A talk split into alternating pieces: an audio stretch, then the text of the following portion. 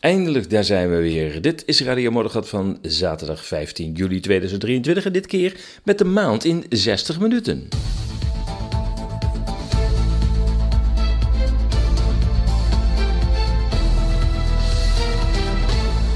In deze uitzending van de 30 minuten en nog wat meer uh, was Orwell een helderziende of misschien toch niet. Gaan we blind een pan-Europese oorlog in? Industrieland Duitsland gaat onderuit. Duitse media beginnen te reflecteren op de eigen berichtgeving tijdens COVID. En ouderen, ja, die worden tot last van de samenleving. Dus maak het niet te lang, is nu het devies. Ja, je hoort het al. Ehm, het zijn uh, onderwerpen van de afgelopen maand. Want Radio Morgen is een maand uit de lucht geweest. Want uh, de zendmast moest een kwastje krijgen. Uh, de buizenzenders, eh, ja, we hebben nog ouderwetse buizenzenders. Ja, die buizen moesten een beetje worden schoongemaakt. Je weet, die worden stoffig. Dus je moet af en toe eens even schoonmaken. Dat is allemaal gebeurd. En nou ja, meteen van de gelegenheid mee even gebruik gemaakt om op vakantie te gaan. En ja, natuurlijk even koffie ja, vakantie, vakantie, dat was best wel lekker. Vakantie in uh, Denemarken dit keer. Ik, uh, ik was een keer op doortocht geweest, afkomstig met de auto toen uit Noorwegen. Toen was er nog geen rechtstreekse bootverbinding uit Nederland.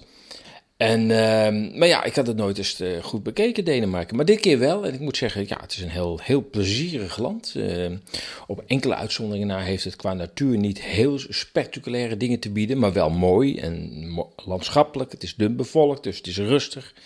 Je hebt stranden van hier tot, uh, tot Tokio, zou ik bijna zeggen, doodstil.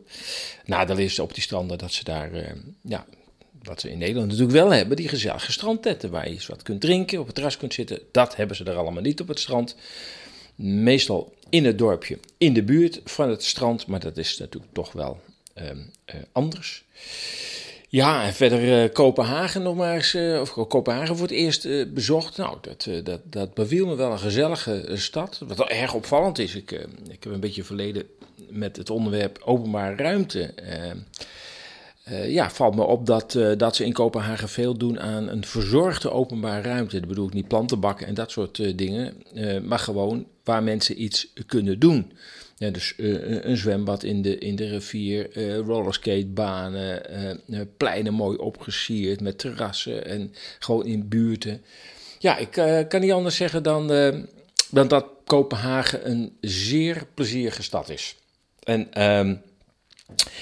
Ik uh, moet ook zeggen dat uh, het, het, het, weer ontzettend is meegevallen. Ja, om niet te zeggen, het is gewoon mooi weer geweest. Hè? En uh, af en toe denk ik wel, is dit, is dit nou klimaatverandering of is dit gewoon de zomer? Ik denk gewoon trouwens dat het de zomer is. Ja, nou ja, goed. Ehm, ehm, ik probeer een beetje de afgelopen maand in te halen. Beetje moeilijk natuurlijk, want er is in die maand wel ontzettend veel gebeurd. Het is onvoorstelbaar. Het is, uh, het is uh, nieuws met de hoge drukspuit, uh, zou je kunnen zeggen. En nou ja, we gaan eens kijken of ik, of ik daar in ieder geval een paar onderwerpen uit kan halen. De onderwerpen in ieder geval die ik net heb genoemd. Maar we beginnen met het aftreden van het kabinet en het in ieder geval aangekondigde vertrek van Mark Rutte. Ja, ik zeg de beurs bij het aangekondigde vertrek, want het is toch wel een sluwe vos, die Rutte. En uh, ja, ik, eh, ik, ik weet nooit uh, wat ik van zijn woorden moet maken. Is, hij heeft zoveel gelogen, die man. Zoveel bedrogen, zoveel, zo vaak misleid.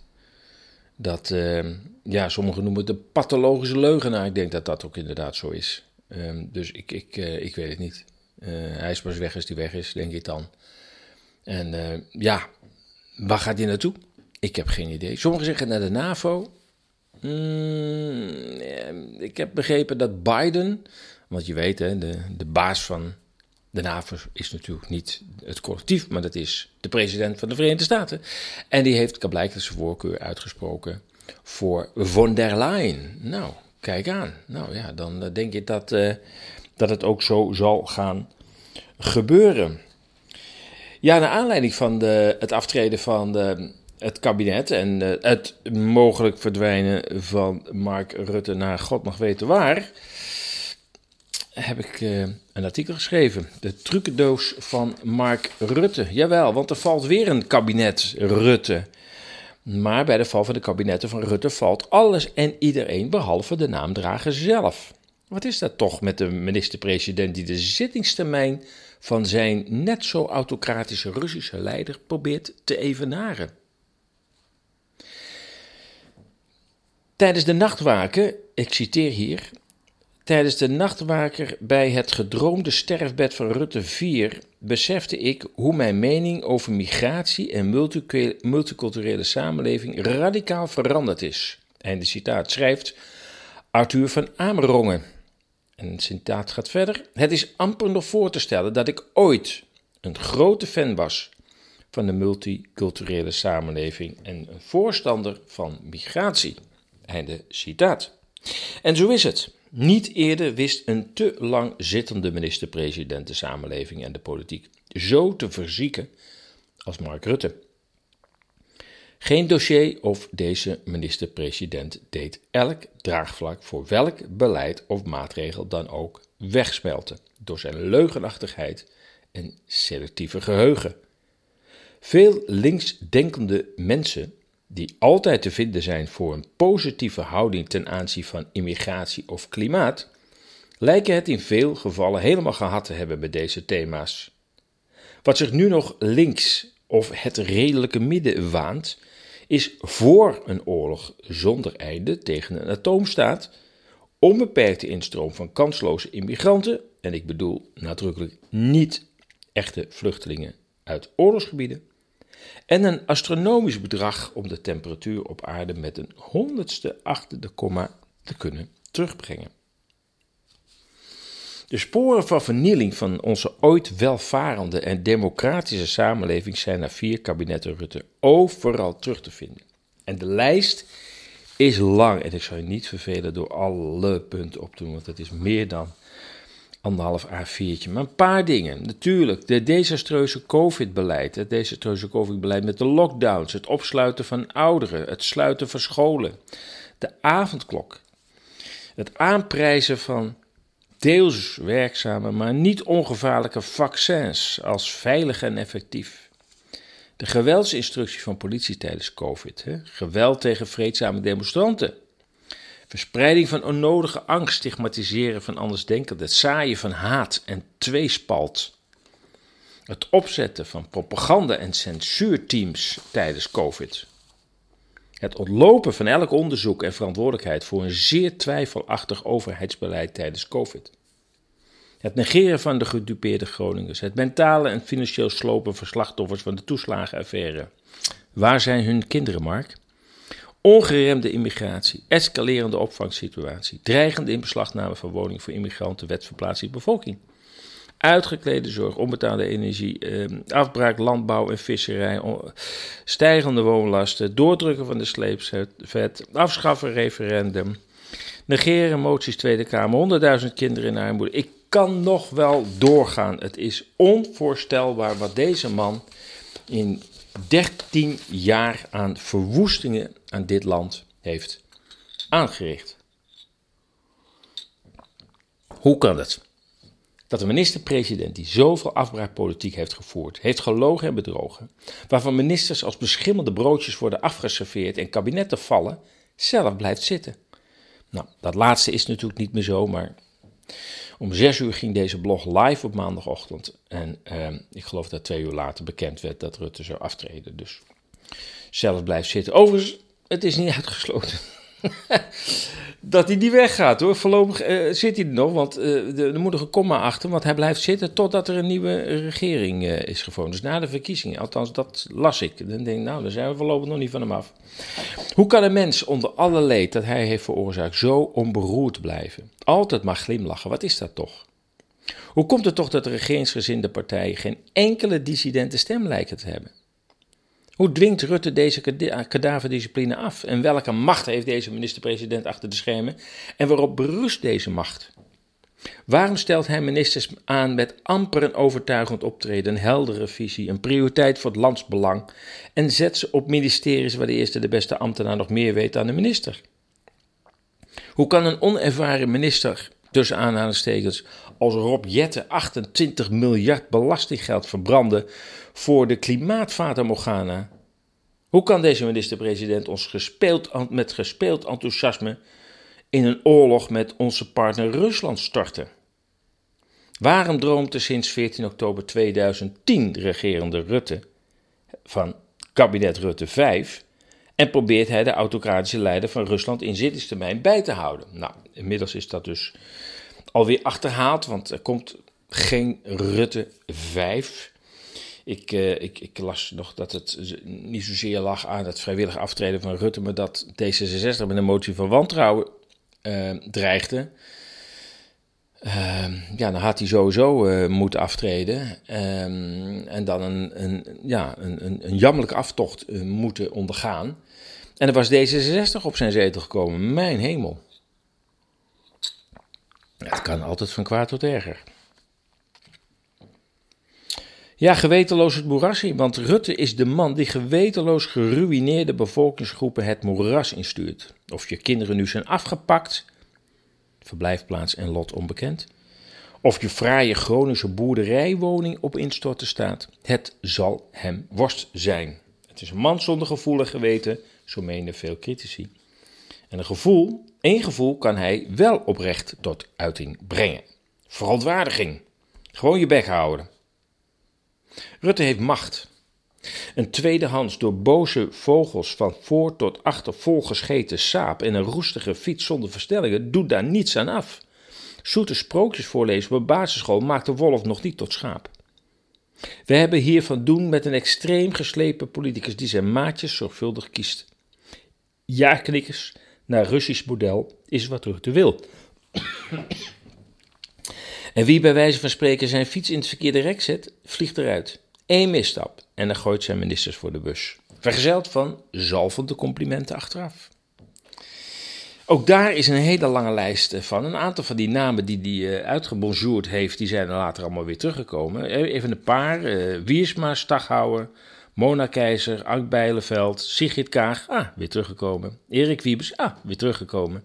Bruno Bruins, Menno Snel, Mark Harbers, Halbe Janine Hennis Plachard, Art van der Steur, Wilma Mansveld, Ivo Opstelten, Fred Teven, Frans Wekers en Co Verdaas.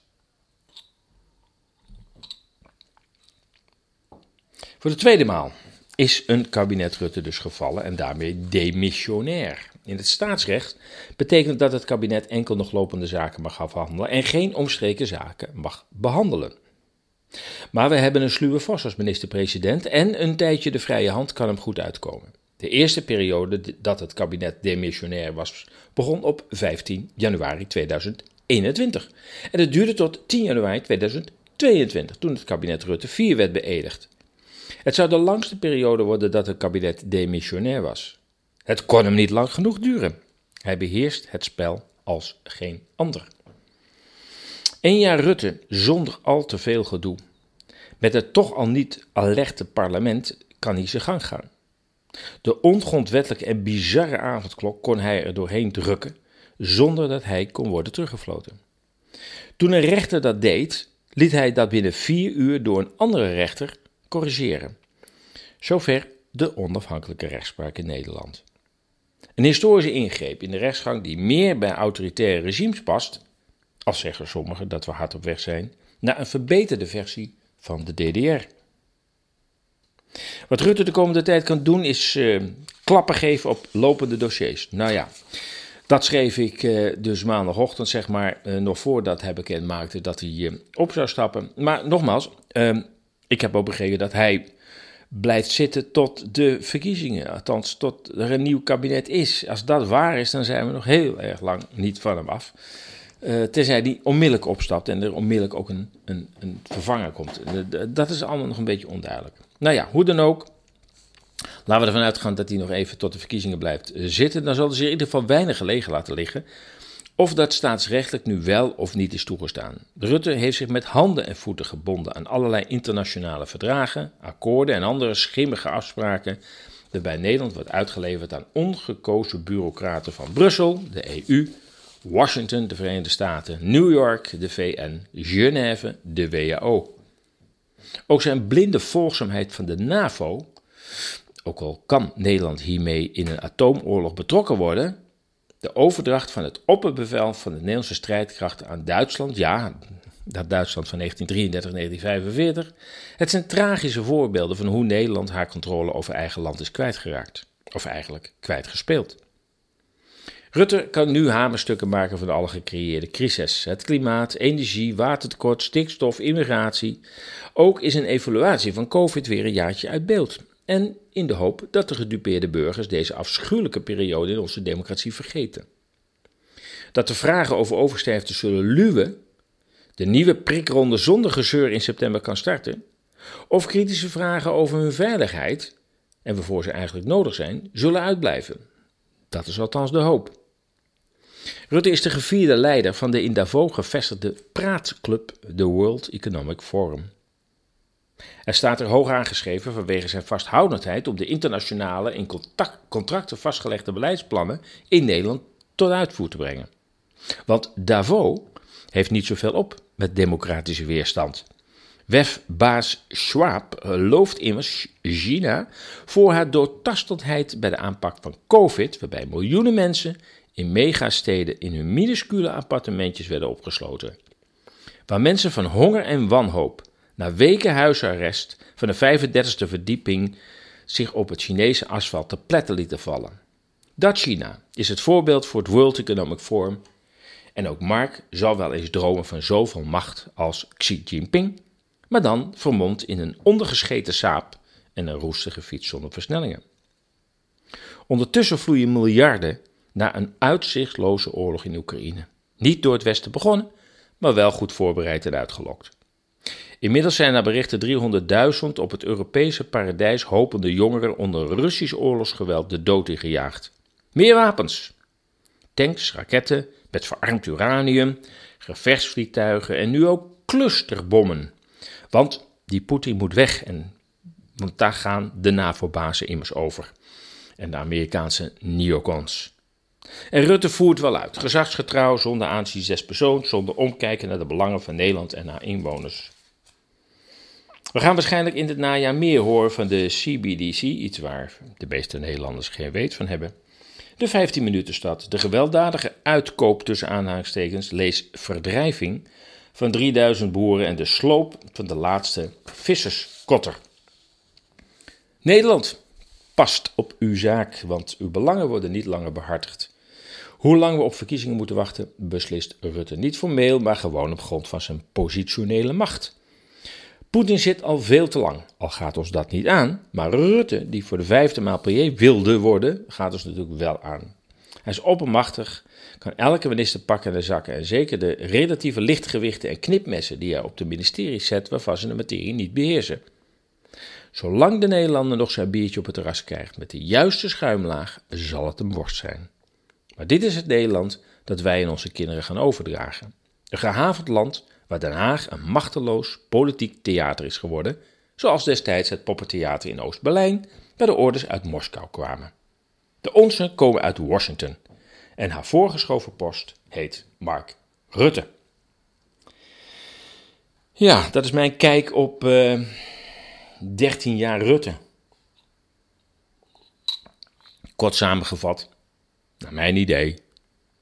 En misschien haken nu de VVD-luisteraars af als ze überhaupt luisteren naar Radio Moddergat. Ik denk dat eh, Rutte de meest slechte president, de slechtste president, of de minister-president is geweest uit de, nou in ieder geval de naoorlogse geschiedenis van Nederland. Niet eerder heeft een minister-president het land zo geschaad. Materieel, immaterieel, psychisch, sociaal, maatschappelijk. Maar ook de politieke mores in de Tweede Kamer heeft hij om zeep geholpen. Er zijn mensen die hem bewonderen, ik weet het. Ik kan er alleen met mijn pet niet bij. George Orwell was misschien toch eigenlijk helemaal geen helderziende met zijn boek 1984. Want sporadisch duiken documenten op, of verklaringen uit zijn tijd, op, die erop kunnen wijzen dat Orwell niet een dystopie verzon, maar ervoor waarschuwde. In de presentatie 1969 werd veel van wat we nu meemaken en Orwell al cryptisch omschreef, wordt er daarin voorspeld. Het nieuwe normaal komt dus niet uit de lucht vallen. Um, het, het, gaat over een, um, een 7, 8 artikelen die ik heb geschreven op ezas.nl. Ehm, en we zijn voorlopig, volgens mij nu bij nummer 7 aangeland, 6 of 7. En ja, dat gaat over een presentatie uit 1969. Om precies te zijn, 20 maart 1969. Als een beroemde kinderarts die banden heeft met machtige kringen. En dat met name met de familie Rockefeller een verrassende lezing geeft in de Pittsburgh Pediatric Society. De kinderarts is dokter Richard L. Day. Hij leefde van 1905 tot 1989. D is op dat moment een eminent figuur op zijn gebied, een vooraanstaand kinderarts in de Verenigde Staten. Hij is hoogleraar geneeskunde aan de Universiteit van Pittsburgh, voorzitter van de medische school Medical School in New York en kinderarts in het New Yorkse prestigieuze Sinai Hospital. D sprak op die bewuste dag, 20 maart 1969, een selectief publiek van 80 kinderartsen toe, waaronder Dr. Lawrence Dunnigan. Die leefde van 1923 tot 2004. Niemand van het publiek, ook Danneke niet, kon zich voorstellen wat ze zouden gaan horen. Het lijkt te zullen gaan over familieplanning en kindermortaliteit.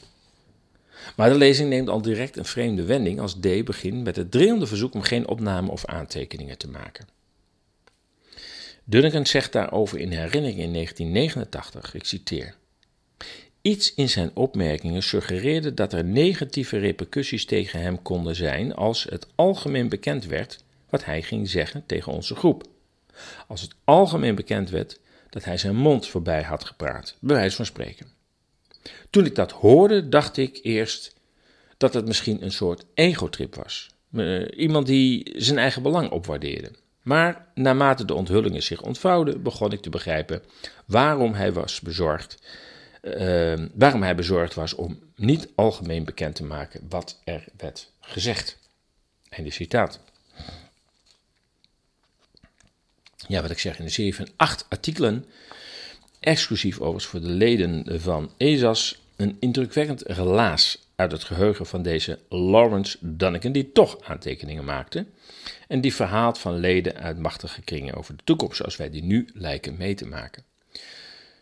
Ehm, in die artikelen staat ook ehm, de transcriptie, dus, uh, nou denk ik dat ik het goed zeg, de audioversie uh, van, uh, van wat hij heeft gezegd. ik geloof dat het ruim drie uur, bijna vier uur duurt. Ik zou er zeker, als je lid bent van, van ESAS, zou ik zeker die die serie gaan lezen en je staat versteld wat men in 1969 allemaal al voorspelde ten aanzien van deze tijd. We zijn inmiddels 50 jaar later. En als je leest wat toen werd gezegd, dan denk je: hoe is het mogelijk dat we nu in die tijd zitten? Ja, parlement is, gaat het parlement blind een nieuwe wereldoorlog in of een pan-Europese oorlog? De Tweede Kamer was leeg. Weglopen is immers gelegitimeerd als een lid van Forum voor Democratie het woord gaat voeren. Het is zelfs van levensbelang om weg te lopen als Baudet over Oekraïne spreekt, de miljarden aan wapenaankopen hekelt en de zinloosheid van deze geprovoceerde oorlog aan de orde stelt. Nederland gaat op vakantie in oorlogstijd. Zoals veel Duitsers in de eerste jaren van de Tweede Wereldoorlog ook gewoon de bossen of stranden opzochten. Vorige maand sprak Forum-voorman de Tweede Kamer toe over Oekraïne en de corrupte structuren die deze oorlog op gang houden. Het werd een toespraak zonder interpellaties. Reden: alle bankjes waren leeg, behalve die van één PVV-lid. De brutaliteit en de ongemanierdheid van weglopende leden is stuitend. Maar er heerst ook angst. Ook Tweede Kamerleden zijn mensen en ze weten, na instructie van hun partijleider, dat hier hogere krachten aan de wal zijn en verzet hiertegen zinloos is. Zelfs schadelijk voor de eigen politieke carrière. Gewoon je bek houden, om te spreken met de woorden van de premier, die een woord en gedrag elke vormelijkheid en noodzakelijke omgangsvorm uit de Nederlandse politiek wist te halen.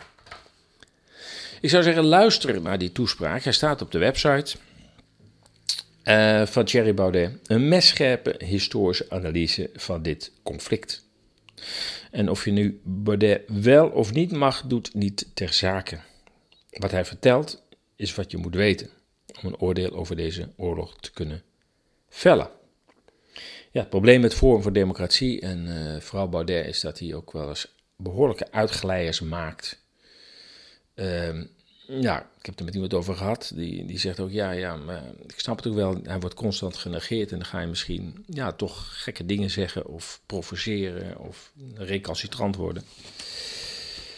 Ja, ja, dat is ook wel begrijpelijk, maar ja, je geeft de media en de andere politici in de Tweede Kamer nog meer munitie om je onderuit te halen. Terwijl als Baudet het bij de inhoud zou houden, dat toch een stuk moeilijker zou zijn. Alhoewel, hij wordt toch altijd uh, uitgemaakt voor bruin hemd en uh, fascist en weet ik veel, voor alles wat lelijk is.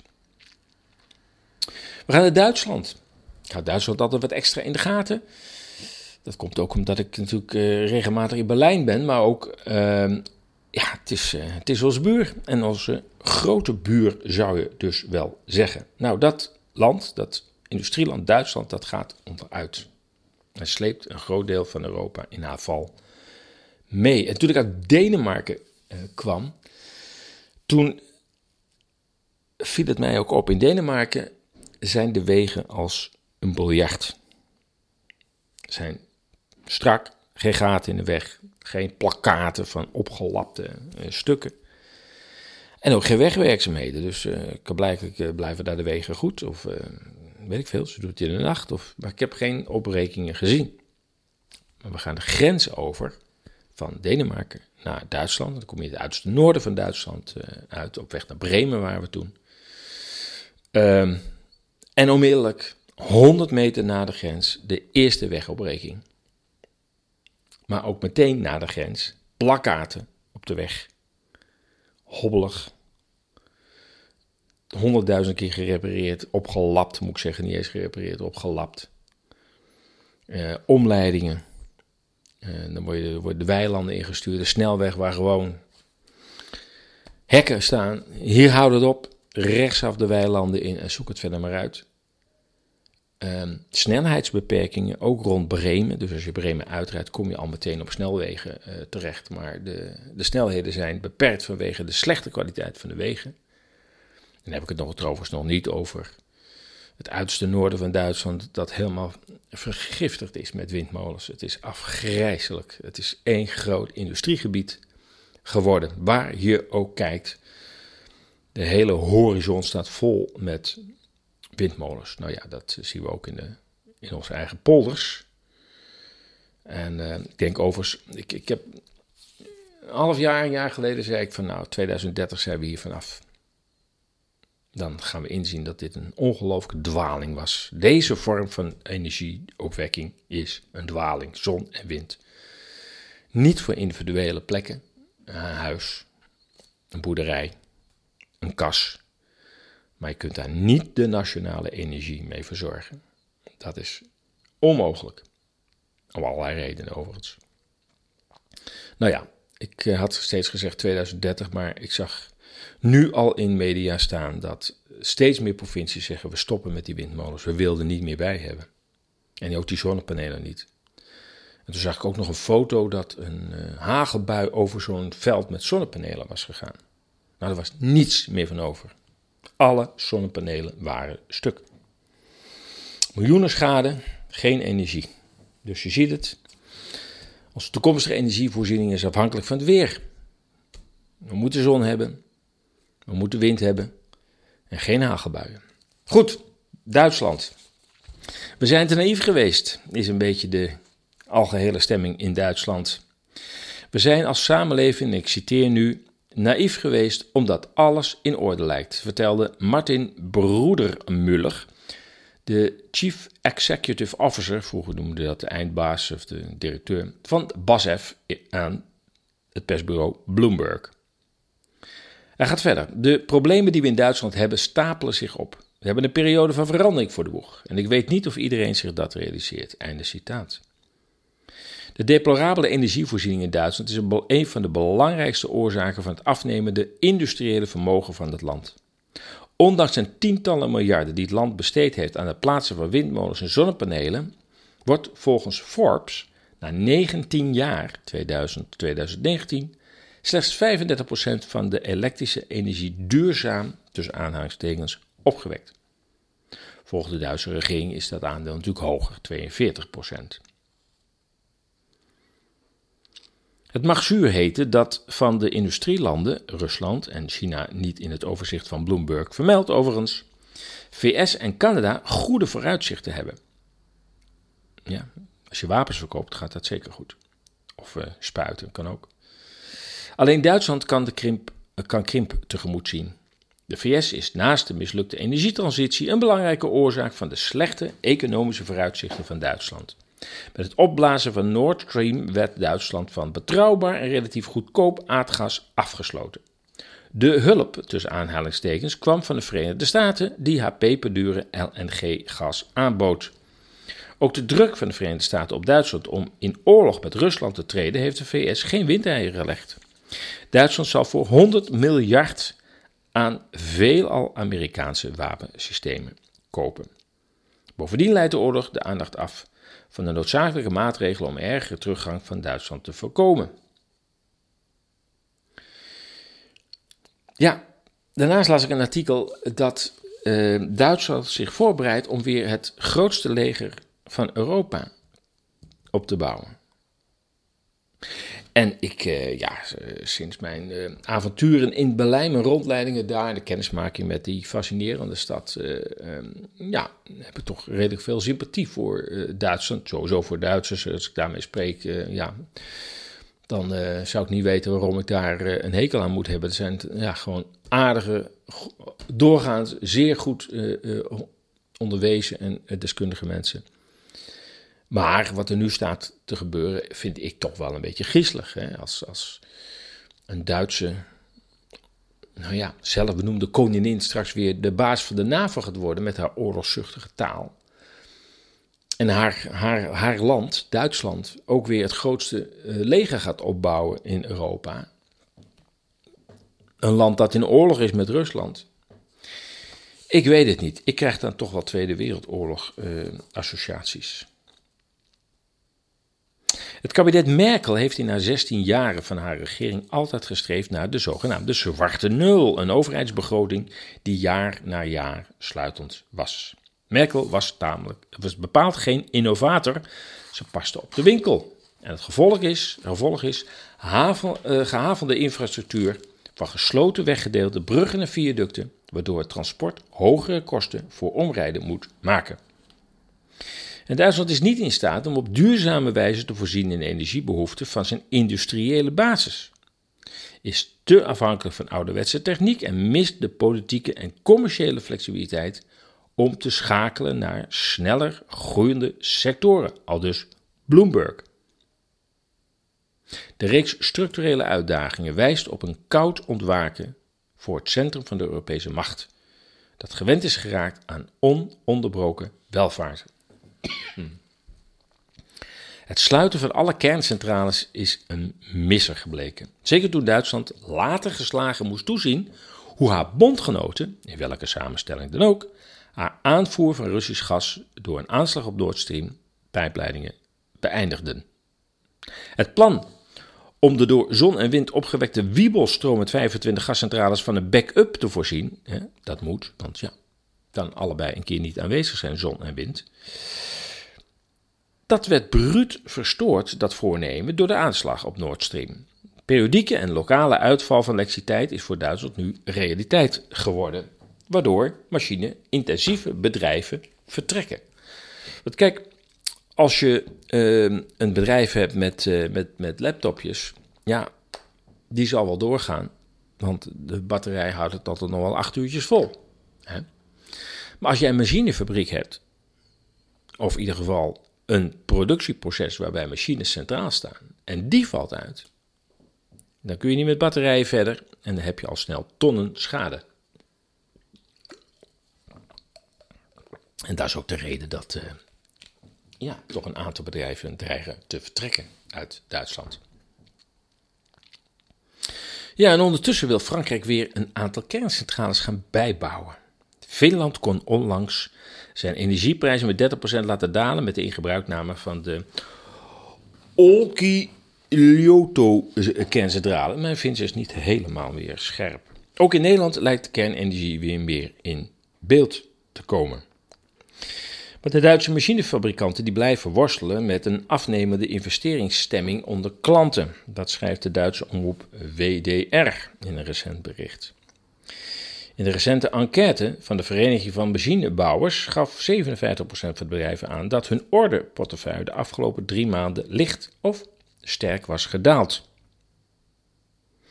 En een recent rapport van de brancheorganisatie van Duitse farmaceutische bedrijven signaleert een zorgwekkend aantal zieke werknemers. Jawel, ik citeer. Het ziekteverzuimcijfer fluctueert seizoensgebonden met een jaarlijks gemiddelde van ruim 4%. Terwijl de jaren 2020 en 2021 bijna volledig binnen bereik bleven. Nogmaals, terwijl de jaren 2020 en 2021 volledig binnen bereik bleven, werd het afgelopen jaar gekenmerkt door uitzonderlijk hoog ziekteverzuim. In december 2022 werd een recordwaarde geregistreerd. Nogmaals, dat zegt de farmaceutische industrie. Die in maart 2022 werd overschreden. Dus 2022 was een recordjaar in ziekteverzuim. Maar 2023 was het nog erger. Nou weet je waarom iedereen personeel zoekt. Heel veel mensen zitten ziek thuis.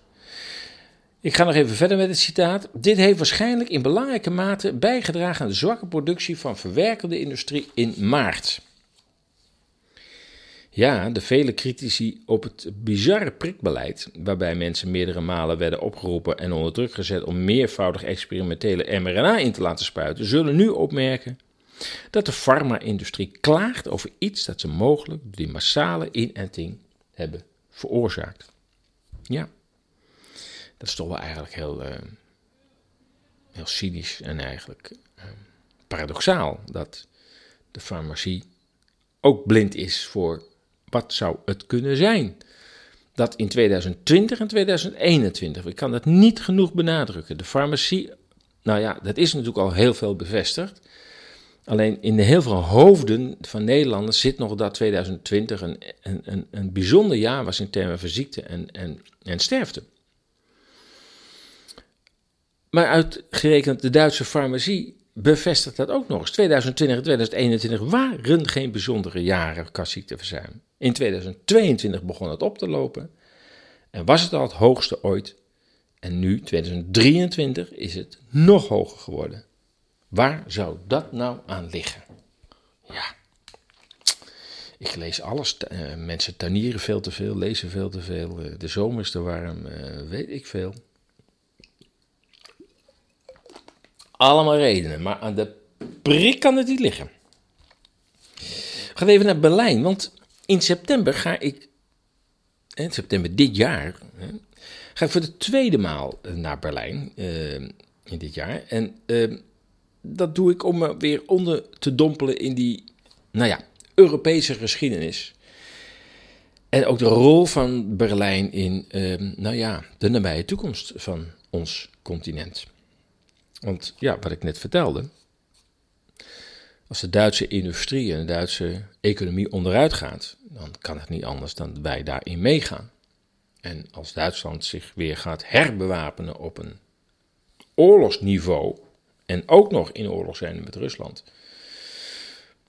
ja, dan, de, dan is het weer Duitsland die de toekomst van Europa gaat bepalen. Nou ja, tot we heden uh, uh, houden het gelukkig in uh, deze contraien nog, nog droog. Ik hoop ook dat het zo blijft en misschien dat er een moment komt dat toch er iemand gaat zeggen: en nou moet het maar eens afgelopen zijn, die oorlog in Oekraïne. Ik hoop het zeer dat daar een keer een heel plotselinge wending in komt. Hoe dan ook, in Berlijn verzorg ik dus exclusieve rondleiding voor een groep van maximaal acht personen. We maken dan in drie dagdelen, een zaterdag en een zondagochtend, een tijdreis door Berlijn. Uh, op dit moment hebben zich al zes mensen aangemeld, dus er is, is, plaats voor twee uh, personen. Uh, de reis kun je boeken, um, of de rondleiding kun je boeken op esas.nl. Ja, een deelnemer van de rondleiding in april, die zei het volgende erover. Een buitengewoon fascinerende rondleiding door deze stad, die letterlijk in het centrum heeft gestaan van de moderne wereldgeschiedenis en nu weer uiterst actueel is. Paul brengt je met zijn jarenlange ervaring als Berlijngids naar plaatsen die een soms adembenemende brug slaan tussen het heden en het verleden. En dat in een zeer aangename en ontspannen sfeer met voluit, voluit, uh, volop ruimte voor discussie, waarbij Paul put uit zijn grote kennis van deze stad en zijn geschiedenis. En niet vergeten, humor. Einde citaat. Nogmaals, twee plaatsen over, dus uh, ja, boeksnel. Ja, waarom maar twee plaatsen nog over? Uh, waarom acht personen überhaupt? Ik zie dat we al uh, op, uh, op 60 zitten. 60, nee 60, 41 minuten. Dus ehm, we gaan fors over de tijd. Maar goed, we moeten ook natuurlijk wat inhalen van de afgelopen tijd. Dus uh, who, cares? Ja, waarom een kleine groep? Omdat ik, uh, het is niet de klassieke rondleiding in de zin dat er dus een, uh, een deskundige gids staat. Die alles wat in de puntjes in detail heeft op een rij gezet. En waarbij je alleen maar kunt luisteren. Hè. Je ziet wel eens groepen van twintig lopen, die hebben allemaal die oordopjes in. En uh, die mensen beginnen dan een beetje ver van de, van, de, van de gids af te lopen. Want ja, ach, je hoeft er toch niet meer bij te zijn. Je hebt tenslotte de, het zenderbereik.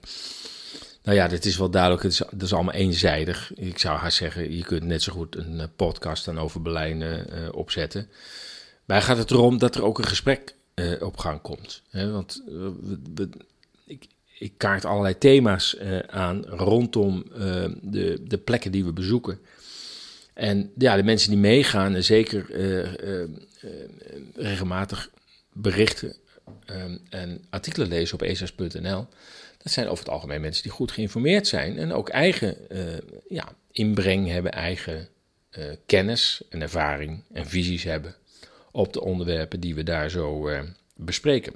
En dan kan er ook een gesprek op gang komen. Dat maakt het heel erg boeiend. En een andere deelnemer die zei ook van dat heb ik zo gemist in de afgelopen COVID-periode gewoon een gesprek open met argumenten.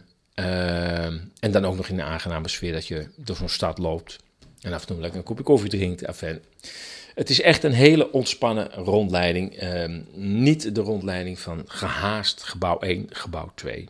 Zo is het in ieder geval niet. Ja, we blijven even in Duitsland.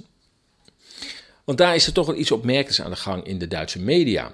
Over sowieso ook in de politiek. We weten inmiddels dat uh, de Duitse minister van Gezondheid, uh, Karl Lauterbach, al heeft toegegeven dat er toch echt wel vaccinatie, inentingsschade is ten gevolge van die COVID-prikken. En dat er ook een fonds zal komen waaruit de overheid schade gaat vergoeden. Nou, dan is de overheid dubbel de sjaak, want die heeft voor die prikken moeten betalen. En de farmacie die betaalt daar dus niet aan mee, aan die schade. Maar goed, los daarvan. Maar ook in de politiek, of nee, in de, in de media begint een en ander uh, te gebeuren. Nou was het sowieso al dat tijdens COVID er af en toe toch een sprankje kritiek was. En dat was dan bijvoorbeeld van de Bild-Zeitung. Ik weet nog dat daar de, de, de hoofdredacteur in een, in een video-uitzending, want dat hebben ze daar bij de Bild uh, nogal wat kritiek uit op het hele uh, COVID-beleid. Het hem overigens zijn baan. Hij, uh, hij, werd toen nog wel ontslagen en hij is nu voor zichzelf begonnen. Ik ben even zijn naam kwijt. Maar goed, ehm,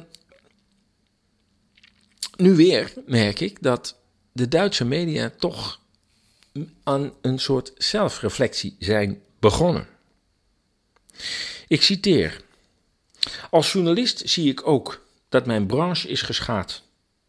Waren dit echt drie jaren om met volle professionele trots terug te kijken, op terug te kijken? Hebben we ons werk echt goed genoeg gedaan? Ja, dat vraagt een doorgewinterde journalist Dirk Jacobs van de Duitse om, omroep ZDF zich in de Berliner Zeitung af. En komt tot de conclusie dat er fouten zijn gemaakt. Daar moeten we het over hebben, zegt Jacobs. Maar waarom valt ons dat zo zwaar?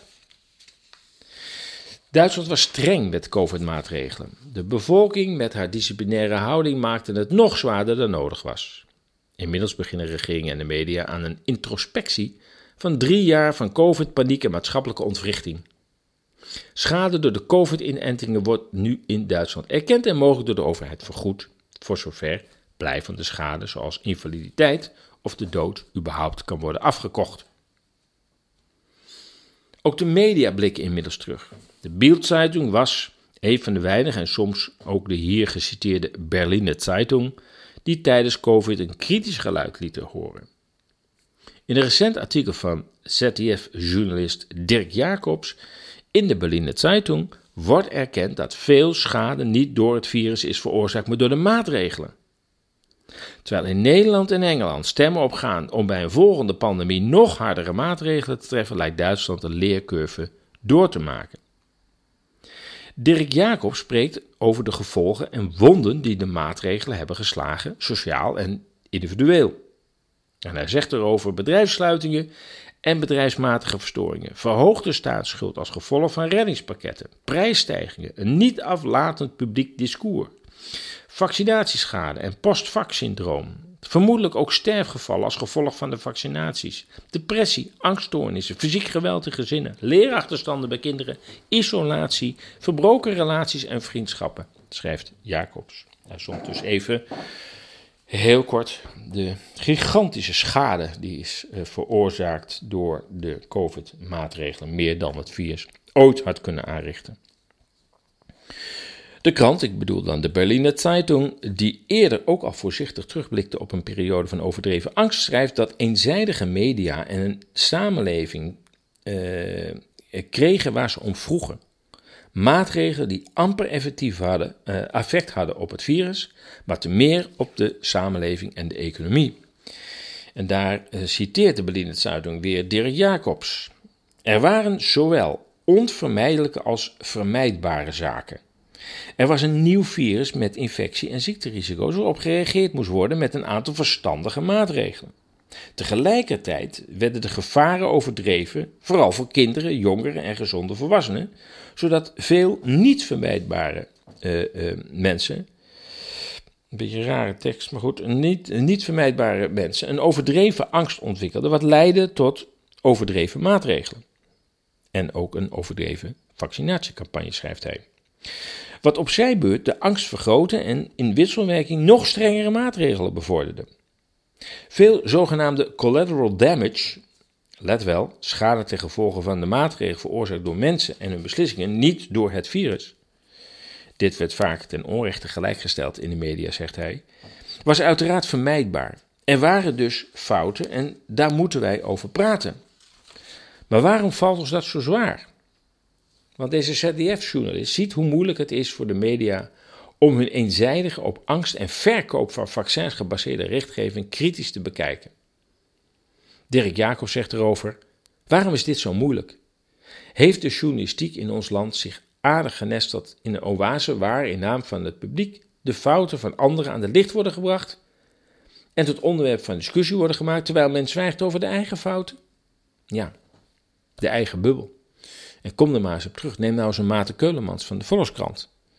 Ja, die, die is nog steeds dag en nacht bezig om maar rapportjes te verzamelen om zijn gelijk aan te tonen. Die man kan absoluut niet meer die draai maken.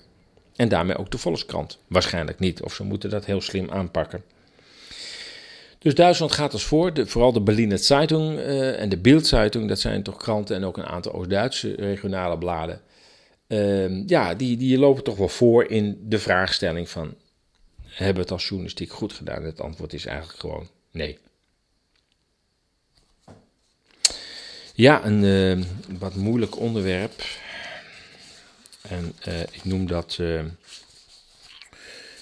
ecologische euthanasie. Kan dat ook al? Ja, dat kan. Hoe ouderen gestimuleerd worden om uit het leven te stappen. Schreef het al eens eerder: ouderen zijn niet meer welkom. Pleidooien om ouderen het stemrecht te ontnemen, hun huizen op te geven voor de jongere generatie of immigranten. Inburgering van het begrip voltooid leven. In Japan wordt zelfs zelfmoord als oplossing besproken. Oplossing, hè?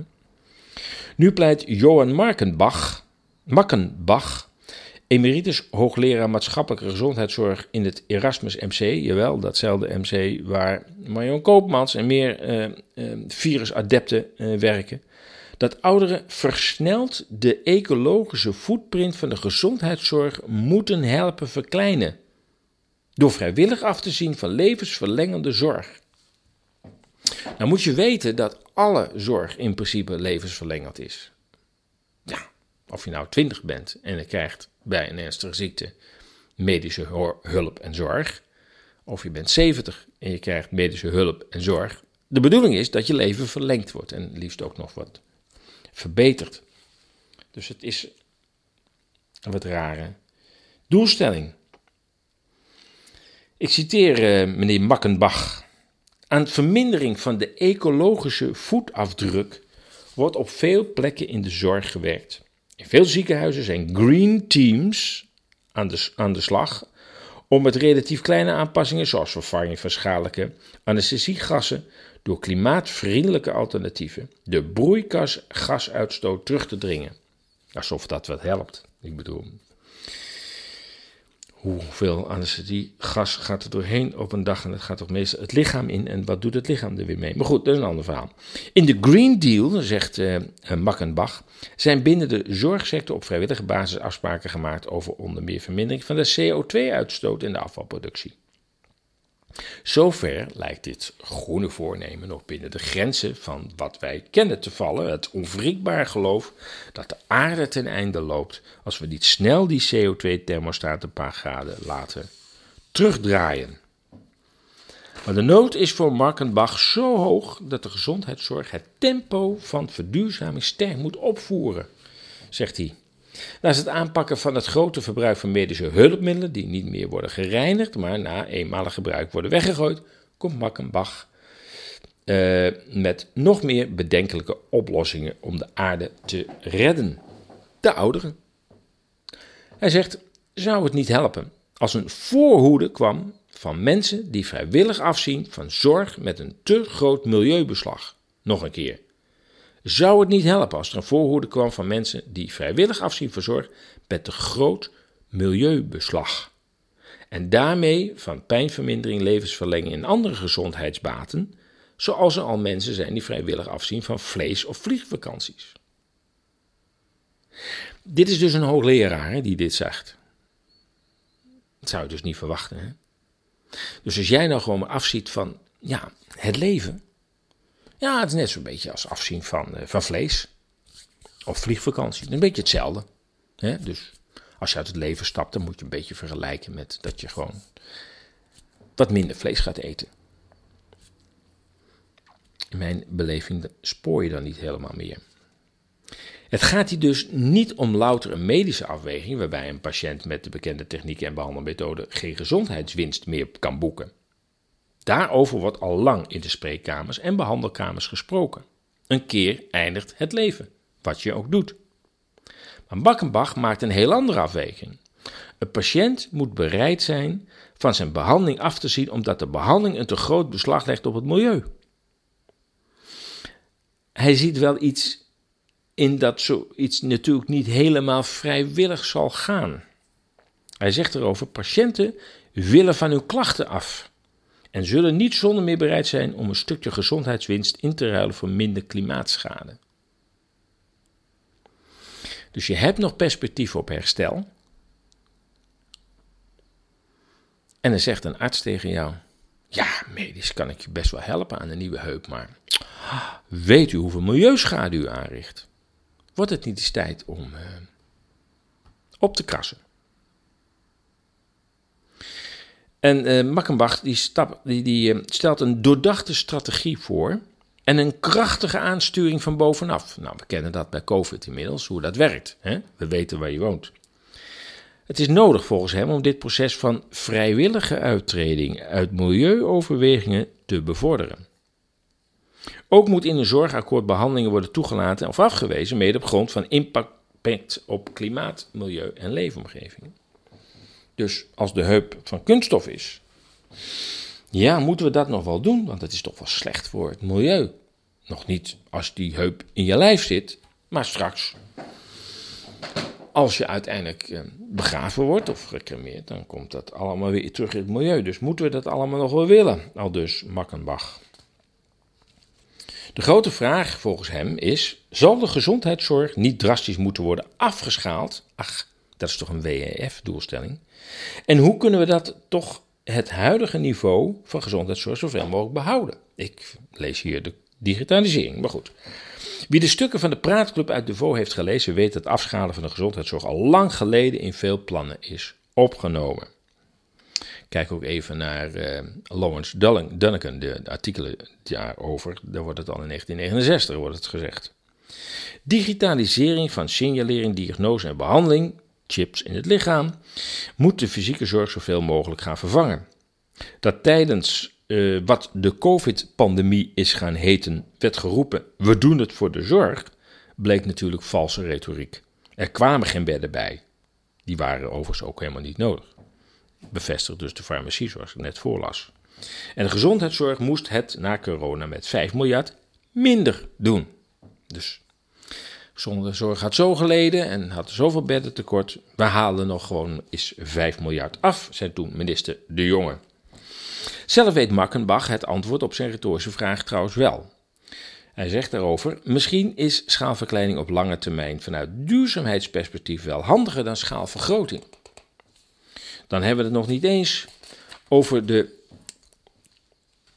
echt radicale keuzevragen die opdoemen. Zoals de vraag of we überhaupt nog moeten inzetten op levensverlenging. Nee, zou ik niet doen. Gewoon levensverkorting. Wanneer ecologische ruimte toenemend schaars is en ieder extra levensjaar van de huidige generaties de ruimte voor de volgende generaties beperkt. Einde citaat. Ik word hier echt stil van als ik dit lees. Het is echt onvoorstelbaar. Want iedereen komt een keer aan de beurt. Dus als je denkt, ach, ik ben 30, 35, 40, mijn tijd zal het wel duren. Maar uiteindelijk zal dit bij iedereen aan de orde komen. En uh, nu uh, wordt dat uh, gezegd, ja, 80 plus, 70 plus. Maar ik heb ook al mensen horen zeggen, waarom niet bij 50 plus? Ja, het begrip levensverlenging is de kern van de gezondheidszorg. De vraag is alleen, wanneer is verlenging niet meer verantwoord? Makkenbach ziet dus het milieu als criterium om een bepaalde behandeling niet meer toe te kennen. Een leeftijdsgrens noemt hij overigens niet. Nou, gaan we maar aan staan. Want in, als het gaat om milieu, ja, dan is iedere ingreep op iedere leeftijd kun je iets over milieu zeggen. Ouderen moeten voor Makkenbach plaatsmaken, omdat zij met hun leven en behandeling de milieuruimte voor de volgende generaties wegnemen.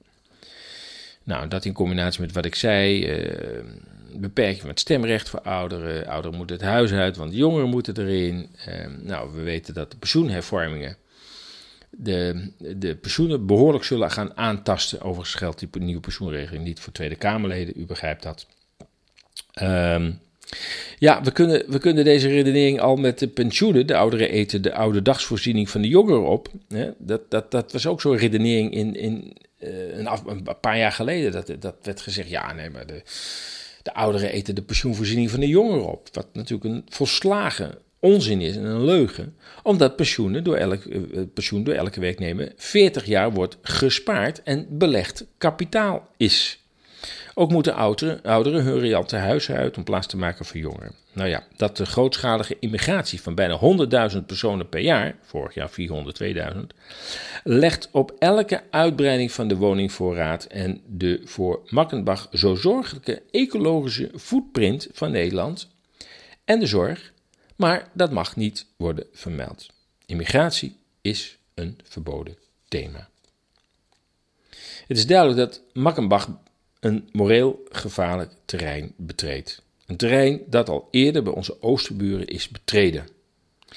Kritisch neuroloog Jan Bonte schreef op Twitter hierover: Ik ben sprakeloos. Want dit mag blijkbaar gewoon gepubliceerd worden. Geen kritiek. Geen weerwoord. Columnist Jan Benning vulde aan. Net als MAID, AID, meet heet dat, de succesvolle levenseinde politiek in Canada.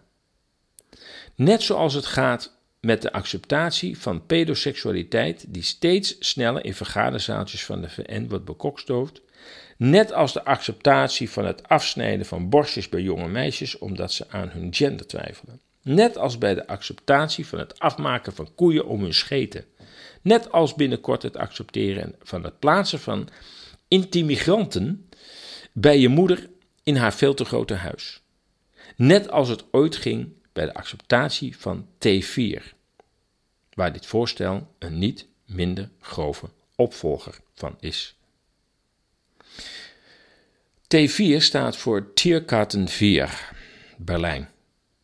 Daar werd het euthanasieprogramma van Nazi-Duitsland voorbereid en de coördinatie van de uitvoering verzorgd. Samen met het nieuwe normaal van een voltooid leven, het D66-voorstel, wordt door Makkenbach een zeer bedenkelijke weg ingeslagen, waarvan telkens weer een nieuwe overtreffende trap zal worden gevonden.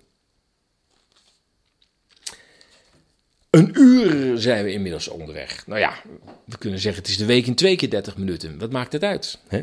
En we hadden ook wat in te halen, laten we eerlijk zijn. Een maand lang geen radiomodder gehad. Hoe hou je het vol? Hoe hou je het vol? Hoe ben je nou aan je informatie gekomen? nou ja, media zat zou ik zeggen. Overigens um, zat ik afgelopen weekend in de podcast van Poppenkast. Uh, met Peter van Asselt. Ik zou zeggen, kijk, uh, je kunt er een soort zomeravondenprogramma van maken. Hè? Want het duurt 3,5 uur, maar liefst. Jawel, je mag het ook in delen doen hoor. Mag ook niet kijken natuurlijk. Maar misschien leuk. Gaat over allerlei onderwerpen waar uh, ESA's ook regelmatig over spreekt. En ook over andere onderwerpen. Ik uh, denk dat, uh, ja, je mag het niet van jezelf zeggen, maar ik denk dat het al met al, ook zeker door de vraagstelling en de aanvullingen van, van Peter, um, toch een zeer interessante podcast is geworden. Een videopodcast. Ja jongens, zullen we eens een keer afsluiten? Het komt er dan toch van. Ja, wat moeten we nou nog uh, zeggen? Hè? Na alles wat er al is uh, gezegd. Nou, misschien nog even dat uh, van de week is de website overgezet naar een nieuwe server. Een hele moderne server met andere faciliteiten. maar er komt ook steeds meer censuur aan. Hè. De Europese Unie is hard bezig om censuurwetten door te voeren. Die, die, die prettige Europese Unie waar we ooit zo enthousiast voor waren. Uh, ja, mocht uh, de website uit de lucht worden uh, uh, gehaald, dan is er altijd nog een andere website van ESAS. En dat is goed om te weten. En ik merk dat die plek tot op heden nog geen censuurmaatregelen heeft gekend. En toch is dat een hele serieuze website. Dus je hebt wel plekken waar geen censuur wordt toegepast, maar daar zitten ook allerlei schreeuwlelijke tussen. Maar bij Substack is dat toch anders. En ik vraag me af hoe dat kan. Het is ook een Amerikaans bedrijf, zit volgens mij ook gewoon in Silicon Valley, San Francisco. Maar toch. Eh, ook tijdens COVID konden daar experts gewoon zeggen dat die vaccins een probleem waren. En dat er ook nog zoiets was als ivermectine. Dat kon daar gewoon gezegd worden. Um, dus dat zegt wel iets over een hele bijzondere uitzonderingspositie voor Substack. Um, en ESAS heeft daar ook een account. Dus als je gaat naar esas.substack.com, esas.substack.com, ehm, dan vind je daar uh, ESAS ook. ESAS, daar publiceer je niet alles op. Maar stel dat er iets met de hoofdwebsite esas.nl eh, gebeurt, dan wordt wel alles gepubliceerd op, uh, op esas.substack.com. Goed. Je luisterde naar de week in uh, 64 minuten van Radio Moddergat. Als je deze uitzending hebt gewaardeerd, overweeg dan een donatie, een lidmaatschap van ESA's of aankoop van een van onze ESA's magazines. De nieuwste komt er weer aan, de zomer magazine 2023, met veel artikelen die een echt tijdsbeeld scheppen. ESA's kan niet zonder steun van donateurs en leden. Maak ons bereik groter en deel deze podcast van Radio Moddergat op je social kanalen. Je kunt ESA's volgen via onze nieuwsbrief, RSS, Telegram en Twitter. Kijk voor meer informatie hierover op ezas.nl. Ik wens je een goed weekend. Blijf waakzaam, blijf sterk en tot volgende week.